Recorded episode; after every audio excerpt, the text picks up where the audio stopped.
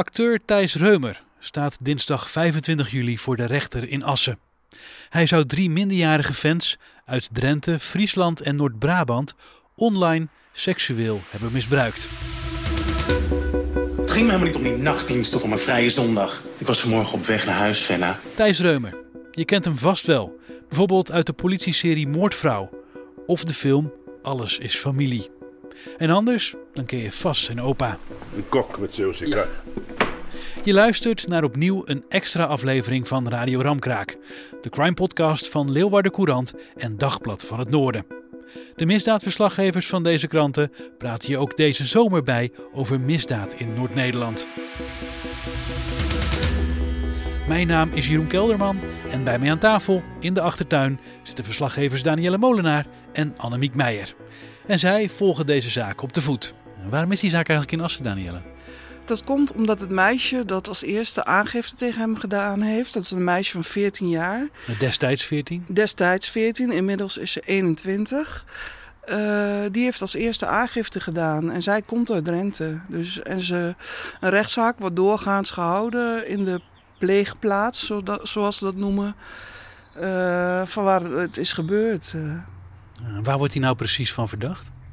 Hij wordt verdacht van, uh, ja, in het, wij zeggen meestal online seksueel misbruik. Dus dat is via de computer of de telefoon meisjes te verleiden of over te halen. naaktfoto's te sturen. En hij zou ook naaktbeelden van zichzelf hebben gestuurd. En die meisjes waren fan van hem en ruim 20 jaar jonger. Hij had makkelijk een vader kunnen zijn. Hij had makkelijk een vader kunnen zijn. Hij heeft geloof ik zelfs uh, een dochter in die leeftijd. Uh. Dus dat is de verdenking. Hoe kwam deze zaak nou aan het rollen? Dat kwam doordat een van de meisjes, het meisje uit, uh, uit Noord-Drenthe, um, melding van maakte eigenlijk op sociale media. En um, mogelijk is ze getriggerd geweest door uh, The Voice. Uh, het hele schandaal rondom The Voice of Holland met het grensoverschrijdende gedrag. Januari vorig ja, jaar. januari vorig jaar toen uh, ook onderzoek werd gedaan naar Marco Bossato en, en Ali B. En een paar maanden later heeft zij uh, verteld uh, op, op Twitter dat zij heel erg fan was van, van Thijs Reumer. Destijds, toen ze nog ja. veel jonger was? Ja, toen ze, toen ze heel veel jonger was. En toen zei dat ze een lastige thuissituatie had, maar dat ze contact met hem, hem kreeg. Ze heeft hem ook ontmoet. En dat, hij, nou ja, dat er online het een en ander zou zijn gebeurd. Ja, want, want, want zij was echt idolaat van hem. En ze schreef op Twitter volgens mij ook dingen als: Ik hou van je. Klopt. En dan, dat kun je ook nog steeds terugvinden. Zij schrijft dan onder zijn Twitter-account: uh, Ik hou van je. En hij antwoordt met: Ik ook van jou, lieverd. Ja, dus dat werd alleen maar aangewakkerd eigenlijk. Dat, ja, dat kun je voorstellen als jij een tienermeisje bent die zo'n prille liefde voelt of allerlei fantasieën misschien heeft over een ster waar ze heel erg tegen opkijkt en bewondert. Als je dan zo'n reactie terugkrijgt. Uh, ja. En heel veel tienermeisjes die zijn wel fan, denk ik, van hè, of een popster. Of, uh, en, en nou ja, Thijs Reumer is een, een, bekende acteur, een man die er niet slecht uitziet. Dus daar kun je je nog wel iets bij, uh, bij voorstellen. Maar zij kreeg dus ook echt contact. En dat contact zou van Twitter over zijn gegaan naar de telefoon. En op die manier dus verder zijn gegaan. En volgens het Openbaar Ministerie veel te ver. Nadat zij dat publiceerde, kreeg ze een hele hoop reacties, ook veel negatieve. En Thijs Reumer heeft zelf op dat moment ook nog gereageerd, uh, vorig jaar uh, mei geloof ik, dat uh, de beschuldigingen niet klopten. En dat als het door zou gaan, dat hij aangifte zou doen van, van smaad en laster. En dat was nog voordat het Openbaar Ministerie bekend maakte dat ze hem gingen vervolgen, inderdaad. Ja, dat meisje zegt van. ja, ik had een hele slechte thuissituatie. ik zocht heel erg naar aandacht.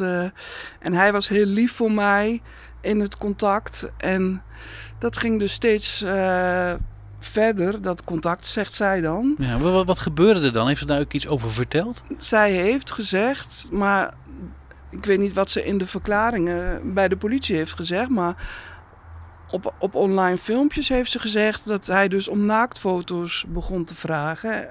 En dan zou zij dan een figurantenrol kunnen krijgen in de serie Moordvrouw. Die toen uh, iedere week bijna op televisie te zien is. En waar Thijs Reumer een hoofdrol in, in heeft. Ja, hij speelt Evert uh, in die serie. En het bijzondere daaraan ook is dat hij is opgenomen voor een groot deel in Noord-Nederland. In, in Friesland speelt het zich af. Ja, ik denk ook dat zij daar een, wel eens bij de opname is geweest. Dat weet ik niet zeker. Maar online kun je ook nog wel foto's vinden waar zij met Thijs Reumer op staat. En dan zit, zit ze ook heel innig naast elkaar. Zij straalt. En hij kijkt haar ook aan. Uh, en, en hij heeft ook een hand op haar schouder. Uh, dus ze hebben elkaar ook wel eens uh, echt ontmoet. Ja, zit het nou ook in die beschuldiging van het Openbaar Ministerie dat hij ook echt aan die meisjes gezeten heeft? Of dat er fysiek contact is geweest? Nee, de Openbaar Ministerie zegt het, het ging om online uh, seksueel uh, grensoverschrijdend gedrag. En is het dan alleen vragen om naaktbeelden of heeft hij ook daadwerkelijk naaktbeelden gekregen van die meisjes? Dat weten we niet. Uh, dat is mij niet, dat weet ik niet zeker. Ja, want daar is wel een verschil tussen natuurlijk. Of, of is, is dat voor de rechter eigenlijk hetzelfde? Dat maakt wel uit hoor. Ja, dat maakt wel uit. Ja, als, want dat wordt ook als jij als volwassene van een minderjarige uh, ja, erotische foto's krijgt, of beelden of filmpjes, dan wordt dat gezien als kinderporno. Dus dan word je ook verdacht van kinderpornobezit. Ja, en hij wordt verdacht van het verleiden van, hè, het overhalen om dat te doen. Eigenlijk grooming, zeg maar, wat hij dan... Ja, grooming is nog meer dat je ook erop uit bent om, dat, om er echt af te spreken. Hè? En, en je wellicht ook nog anders voordoet dan je bent. Nou, dat was natuurlijk niet zo. Ja, en hij, hij die meisjes kwamen ook zelf naar hem toe. Hè? Dus het, was, het begon met wederzijds gewenst contact. Uh, en ja, maar kun je dat voor een 14-jarige zeggen dat dat gewenst is? Dat die 14-jarige nou, dat zelf gewoon wil? Gewoon contact. Ik denk, ik bedoel, iedereen gaat ja, wel eens. Ik had het dan over seksueel contact, ja, inderdaad. Ja. Maar... Nee, niet, want daarom wordt hij nu ook vervolgd. Uh, omdat er geen sprake is van, ja, juridisch ook, dat, zo, zo staat het ook in de wet. Er is geen sprake van een gelijkwaardige relatie. Als iemand veel ouder is, 20 jaar ouder, en uh, ook nog eens een keer op een voetstuk staat, dus dan een bepaalde machtspositie heeft over, uh, over de ander. Wat zegt Thijs Reumer hier eigenlijk zelf over? We weten dat hij het ontkend heeft.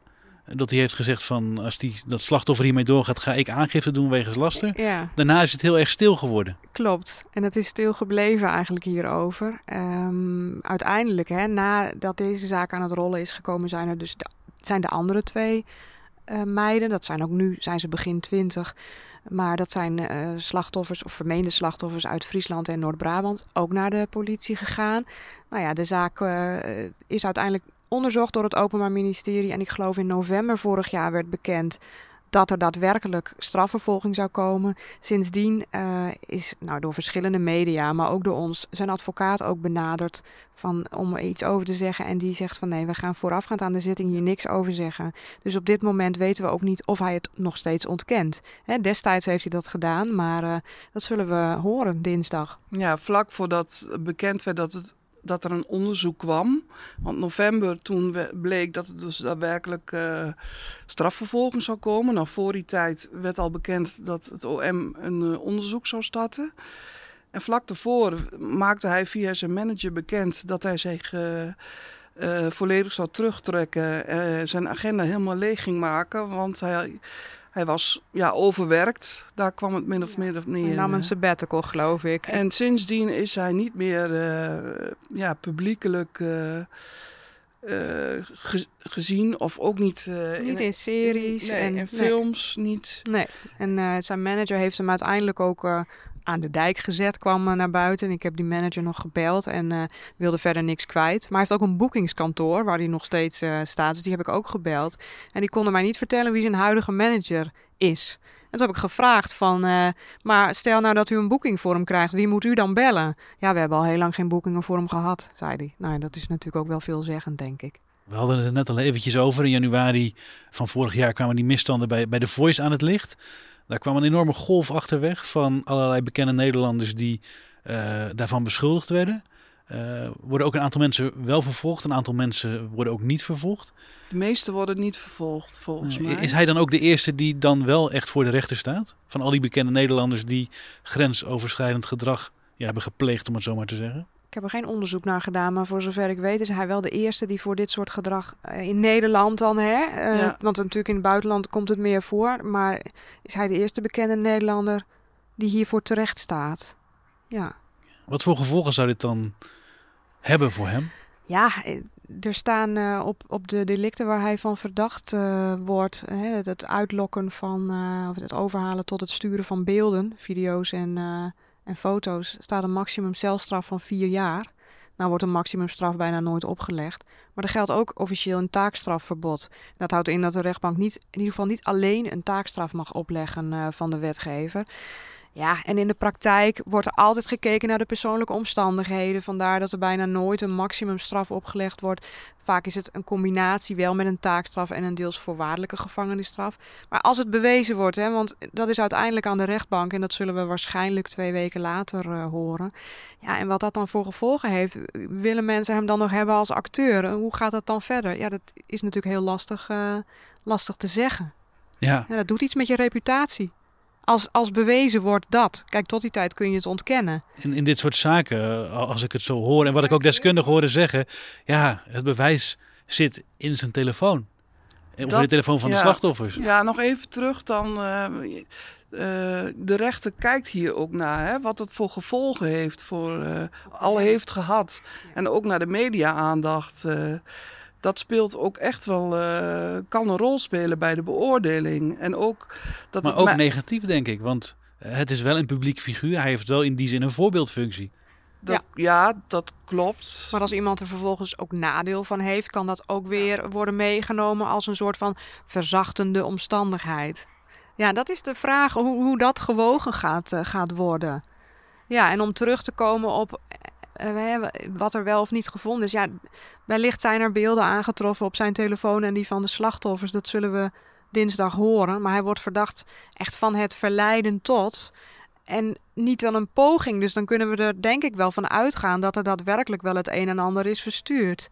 Wat ik heb begrepen, maar dat, dat heb ik dus uit, uit eh, bepaalde bronnen gehoord, is dat er niet extreem veel bewaard is gebleven. Ja? Je moet je voorstellen, het is in eh, sommige gevallen zou het dan acht jaar geleden zijn. Eh, iemand heeft dan al wel drie keer een andere telefoon. En misschien eh, hebben die meisjes wel gedacht: ik wil helemaal niet dat mijn ouders hierachter komen. Ik ga het weggooien. Dus er schijnt wel iets bewaard te zijn gebleven. Maar er zijn niet, dat, dat schijnt niet extreem veel te zijn. En wat ik wel heb gehoord, eh, ook uit diezelfde bronnen, dat er wel andere meisjes en vrouwen zijn die eh, bevestigen dat hij best wel snel overgaat tot het vragen van naaktfoto's of het zelf sturen van beelden. Dus die bevestigen wel wat de, verhalen van die meisjes. En Die ook op die manier contact met hem kregen. Ja. Via de app of, of, Ja. of sociale media. Ja, of, Ja. of dat hij hun zelf benaderde via Instagram. Of, eh, en dat zij dan ja, diezelfde ervaring hadden. En misschien hebben ze dat direct wel afgekapt. Of zij, eh, zij vonden het niet nodig om aangifte te doen. Of ze waren meerderjarig. Maar dat soort verklaringen, als die er inderdaad zijn... die kunnen wel dienen als steunbewijs ook. eh, dat is heel belangrijk. En ook eh, hoe die meisjes destijds hebben gereageerd. Of mensen, misschien hebben ze het wel aan, aan een vertrouwenspersoon verteld. Eh, dat kan ook heel belangrijk zijn. Ja, ik hoor jou net over meerdere meisjes en vrouwen. Is het dan niet raar dat het in Assen eh, dinsdag maar over drie slachtoffers gaat? Nee, dat gebeurt wel vaker. Want eh, volgens mij moet je. In, bij, dat weet ik niet 100% zeker. Maar dan, dan, er is wel nodig dat je aangifte wil doen. Het wordt wel genoemd. Het kan wel genoemd worden. Maar het staat dan niet op zoals het dan heel officieel heet: de dagvaarding of de telastenlegging. En het kan ook nog wel zijn dat er meerdere aangiften zijn geweest, wat wij niet weten. Maar het Openbaar Ministerie vervolgt iemand voor de feiten waarvan zij denken ehm, dat er genoeg bewijs voor is. Soms dan zijn er ook in zedenzaken wel eh, aangiften, maar dan is het een verhaal van de een tegen de ander. En dan is dat één verklaring is te weinig om iemand op te veroordelen. En dan wordt het niet voor de rechter gebracht. Het gebeurt ook wel en dan wordt iemand vrijgesproken. Maar het zou best kunnen zijn dat er meerdere mensen aangifte hebben gedaan. Maar dat het Openbaar Ministerie dacht van... ja, dit zijn de drie sterkste zaken en die halen wij eruit. En die leggen we voor aan de rechter.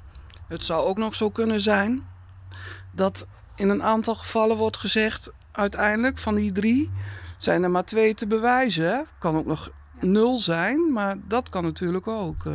Jij hebt ook de advocaat van de slachtoffers gesproken, Maartje Schaap klopt. uit Groningen.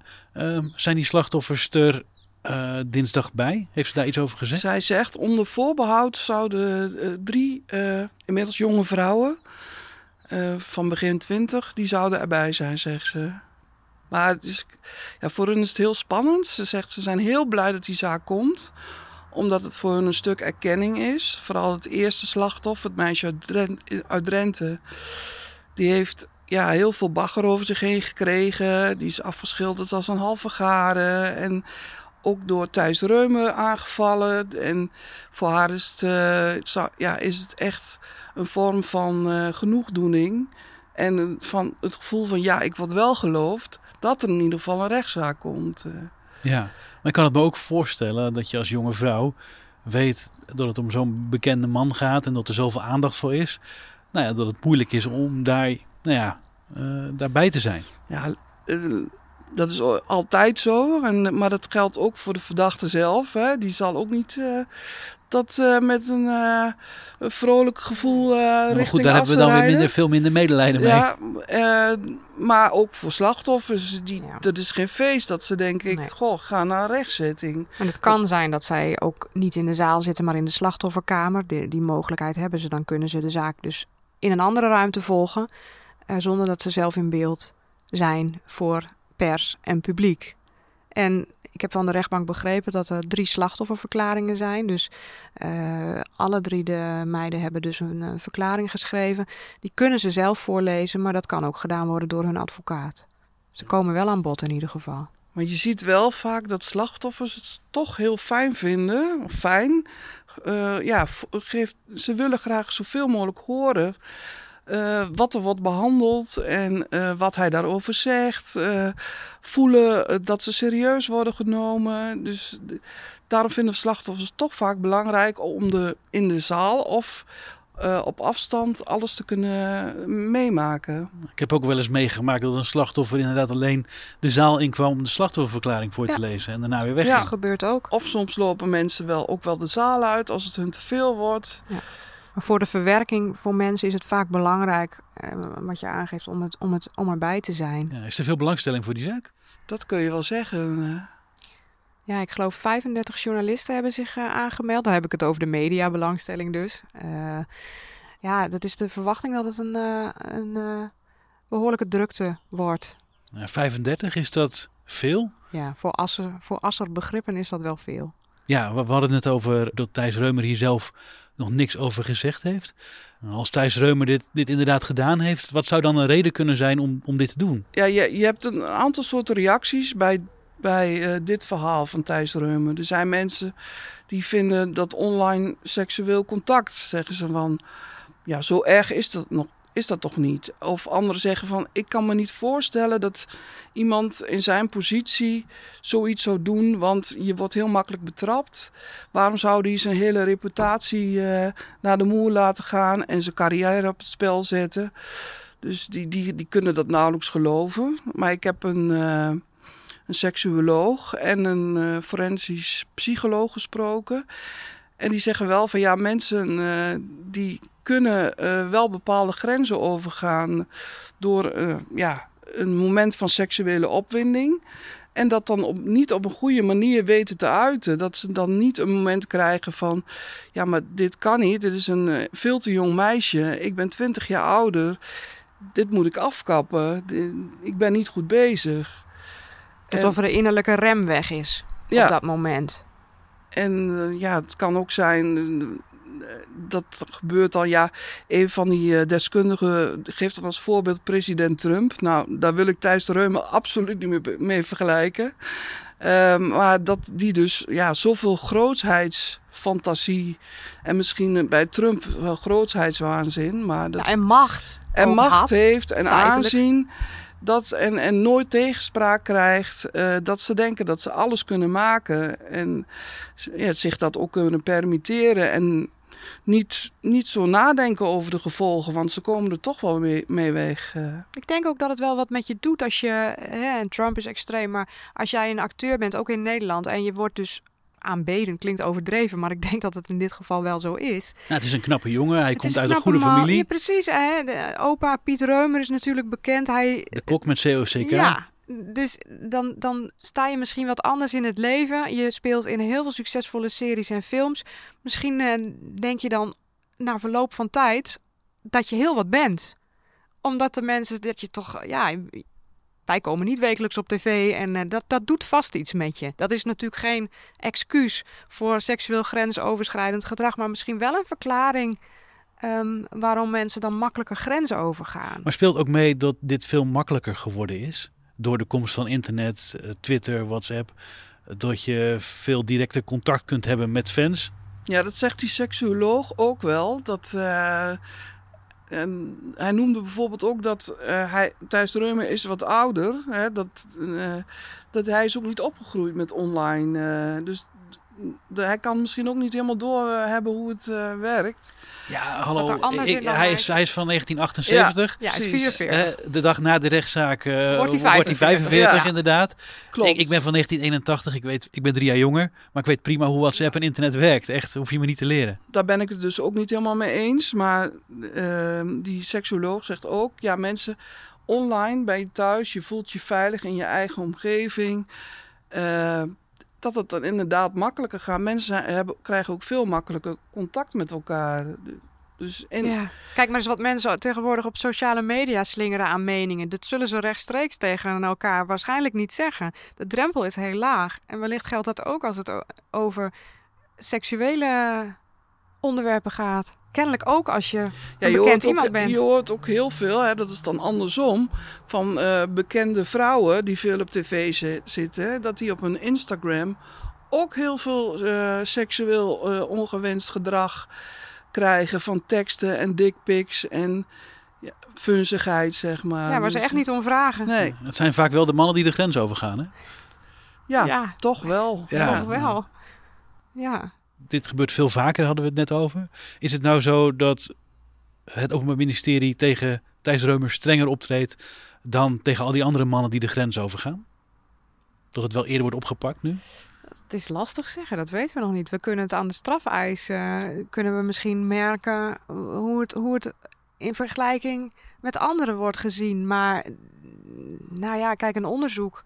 Als er meerdere aangiften liggen, dan zal het Openbaar Ministerie ook bij anonieme, anonieme mensen, minder bekende mensen, onbekende mensen, ook onderzoek doen. Dus dat dit, nou, ze hebben er ook niet, ze hebben het zelf ook volgens mij niet publiekelijk naar buiten, hebben ze het wel naar buiten gebracht. Het Volgens mij Ministerie heel, een hele korte, twee, Ja. keer, twee keer hele korte verklaringen in reactie op mediaberichten. Ja, maar ik weet van het Maar Openbaar ze zijn Ministerie... heel terughoudend. Ja, ik weet ook wel van een woordvoerder van het Openbaar Ministerie dat ze onderling ehm, een discussie hadden, of interne discussie, moeten wij hier een persbericht over sturen? Na afloop van mm, aanspre- aansprekende grotere zaken wordt vaak een persbericht gestuurd door het Openbaar Ministerie. Dit hebben we geëist en daar en daarom moeten ze dat nou doen. Want normaal gesproken met zedenzaken doen ze dat eigenlijk niet. Gaan ze het dan nu wel doen omdat het een bekend iemand is of niet? Die discussie eh, speelt daar eh, bij communicatie. Dus ja, dat, dat, dat zijn wel dingen die dan meespelen. Ook voor hen is dit natuurlijk geen dagelijkse kost. Nee, nee, feit is wel dat wij hier zitten omdat het over Thijs Reumer gaat. Inderdaad. En als dit een 44-jarige man uit, ik noem maar wat, eh, Assen was geweest. Ja, dan Ja. hadden we hier geen extra aflevering over nee, gemaakt. klopt. Maar dat maakt het ook bijzonder en eh, nieuwswaardig, zoals wij dat dan noemen, dat het een bekend iemand is. Hij heeft ook, zeg maar, als het allemaal klopt en als het bewezen wordt, heeft hij ook eh, gebruik gemaakt van eh, zijn bekende Nederlanderschap. eh, of van- van zijn eh, beroemdheid. van zijn bekendheid, Ja, ja. Misbruik gemaakt eigenlijk. En eh, wat je bij online misbruik juist vaak ziet, dat mensen fake accounts eh, gebruiken. eh, of nepprofielen, foto's van anderen erbij doen. En dan zijn het bijvoorbeeld mannen die zich voordoen als een jonger iemand en die dan actief meisjes of jongens eh, benaderen. Eh, dan gaat het, ja, en in dit geval is het een bekend iemand die eigenlijk benaderd wordt door de fans en daar dan, als het bewezen wordt, misbruik Steeds van zou hebben gaat. gemaakt. Ja, ja. Eh, dinsdag eh, is die zaak. Hoe, hoe laat begint die? begint om half tien 's ochtends. En jullie doen daar verslag van. Wij doen daar verslag van. Ik mag een live blog vullen en we zullen een verhaal Het schrijven. gaat de hele dag Het duren. gaat de hele dag duren, is de verwachting. Ja, dat Eh, vind ik wel lang voor zo'n... ja. Het is toch een relatief eenvoudige zaak, om het zo maar te zeggen. Ja, want normaal gesproken zou voor zo'n zaak een paar uur worden uitgetrokken, dan is het klaar. Maar ehm, kijk, het zijn, bij zedenzaken wordt wel rekening mee gehouden dat het nou, heel gevoelig is. Dan kan er nog eens een extra pauze worden ingelast, bijvoorbeeld na de slachtofferverklaringen. Maar hoe een zitting normaal gesproken gaat is...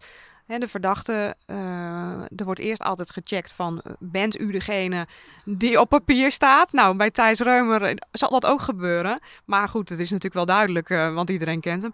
Maar er wordt ook tegen hem gezegd, en dat noemen ze de cautie. U krijgt vragen, u hoeft geen antwoord te geven op vragen, het formele deel. Dan zal de officier van justitie de ten lastenlegging voorlezen. En gaat de rechtbank, dat zijn drie rechters in dit geval, gaan hem vragen stellen. Oftewel gaan hem verhoren. Ja, En, en dan is het ook weer afhankelijk van hoe lang duurt zo'n voor. ja. van wat hij zegt. Dus als hij eh, alles heel snel toegeeft, of juist zegt dat dat klopt niet en nee, dit is heel anders gegaan, dan blijft de rechter er langer over doorvragen en meer uit het dossier voorhouden. Ja, en als hij zegt zwijgrecht, dat kan ook nog in theorie, dan, eh, dan zal de rechter ook voorhouden wat in het dossier staat en wel vragen stellen. Maar ja, dan, zal de, dan zullen we toch naar de antwoorden moeten, eh, moeten gissen. En uiteindelijk, als zijn deel behandeld is, dan normaal gesproken komen de slachtoffers, is de rol voor de slachtoffers. De advocaat zal dan, eh, nou ja, wellicht zijn er, dat is nog een ander aspect, schadevergoedingen, of die zijn ingediend, weten we niet. Nee, Nee. En, die zijn in Nederland niet extreem hoog hoor. Want ik heb ook wel mensen horen zeggen: ja, misschien is het die, eh, die vrouwen wel om een schadevergoeding te doen. Nou, als je voor, dat, eh, voor dit gedoe allemaal, want je zult bij de po- politie of bij de recherche, word je ook urenlang door de mangel gehaald eh, voordat het tot een, een zaak komt. Voor de schadevergoeding zullen ze dat niet doen. En ze kunnen dan een, slachtofferverklaring voorlezen. Waar ze dan mogen zeggen wat het met hun heeft gedaan. En eh, ja, ook, ze mogen zich ook uitspreken over, eh, wat, over de straf die hij zou moeten krijgen in, in hun ogen. En vervolgens worden de persoonlijke omstandigheden, noemen ze dat, besproken. Dus dan, gaat, de, de vertellen, ja, dan vragen ze wat voor werk doet u? Nou, Ja. Nee, maar het zal ook gaan over De wat hij is kwijtgeraakt. Ja. En Ja. over zijn, zijn, zijn huwelijk dat gestrand is En hoe waarschijnlijk. zijn financiële situatie is en hoe, of hij verslavingen heeft of andere psychische problemen. Ik verwacht dat hij ook wel bij de reclassering eh, is geweest. Dat moet bij dit soort zaken bijna altijd. Dus de reclassering gaat ook dan met iemand in gesprek om te kijken van... Ja, wat speelt er in zijn persoonlijke leven? Heeft iemand behandeling nodig of extra ondersteuning? Gaat hij dit vaker doen? Wat Kans is risico herhaling. inderdaad? Ja, Ja. klopt. Ja, en vervolgens eh, zal de officier van justitie eh, op een rijtje zetten eh, ja, wat er voor bewijs eh, is en eh, welke straf eh, er volgens het OM moet komen. En dan komt de advocaat van, eh, van Thijs Reumer aan het woord. En hij krijgt het laatste woord. Is het feit dat er heel veel media bij aanwezig is, zorgt dat ook nog voor dat die zaak anders gaat dan, dan normaal? Ja, daar kunnen we wel van uitgaan. Daar wordt er vaak, nou ja, niet altijd, maar in zo'n geval wordt er bewust een dag voor uitgetrokken. Gewoon om het logistiek allemaal haalbaar te maken. Dat is wel hoe het vaak eh, gaat. En normaal speelt alles zich af in één rechtszaal bijvoorbeeld. Nou, nu is er eh, voor een deel van de pers is er ruimte in de hoofdzaal, waar, eh, waar Thijs Reumer ook zit. Een ander deel kan in de perszaal zitten en daar de zaak volgen. Gewoon hele praktische dingen. Ehm, vaak wordt er dan net even iets vaker geschorst, zoals ze dat noemen. Even pauze, even rust tussendoor. Die ruimte is er dan ook. Heel Dus- simpel, doordat het zo druk is, kost het ook veel meer tijd om die zaal leeg te maken en later weer eh, vol te krijgen.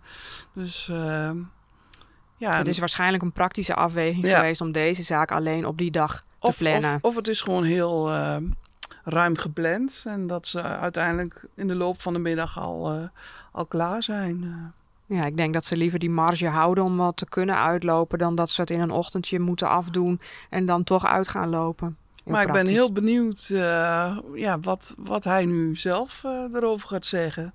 Hè, want wij praten er nu over. eh. En het is Ja. natuurlijk een deel speculeren, Ja. want je weet gewoon niet. Maar dat is inderdaad de grote vraag. Wat gaat hij vertellen? Lees het bij ons op de website dvn.nl of lc.nl. Annemiek Meijer en Danielle Molenaar, dank jullie wel. Je luisterde naar een extra aflevering van Radio Ramkraak, de crime podcast van Leeuwarden Courant en Dagblad van het Noorden. De misdaadverslaggevers van deze kranten praten hier ook deze zomer bij over misdaad in Noord-Nederland. Abonneer je nu op ons kanaal en je krijgt een melding als we in september weer beginnen. Of als er zoals nu belangrijke zaken zijn om over te praten. De muziek die je hoorde werd gecomponeerd door Guido Keizer. Mijn naam is Jeroen Kelderman en ik wens je een hele fijne zomervakantie.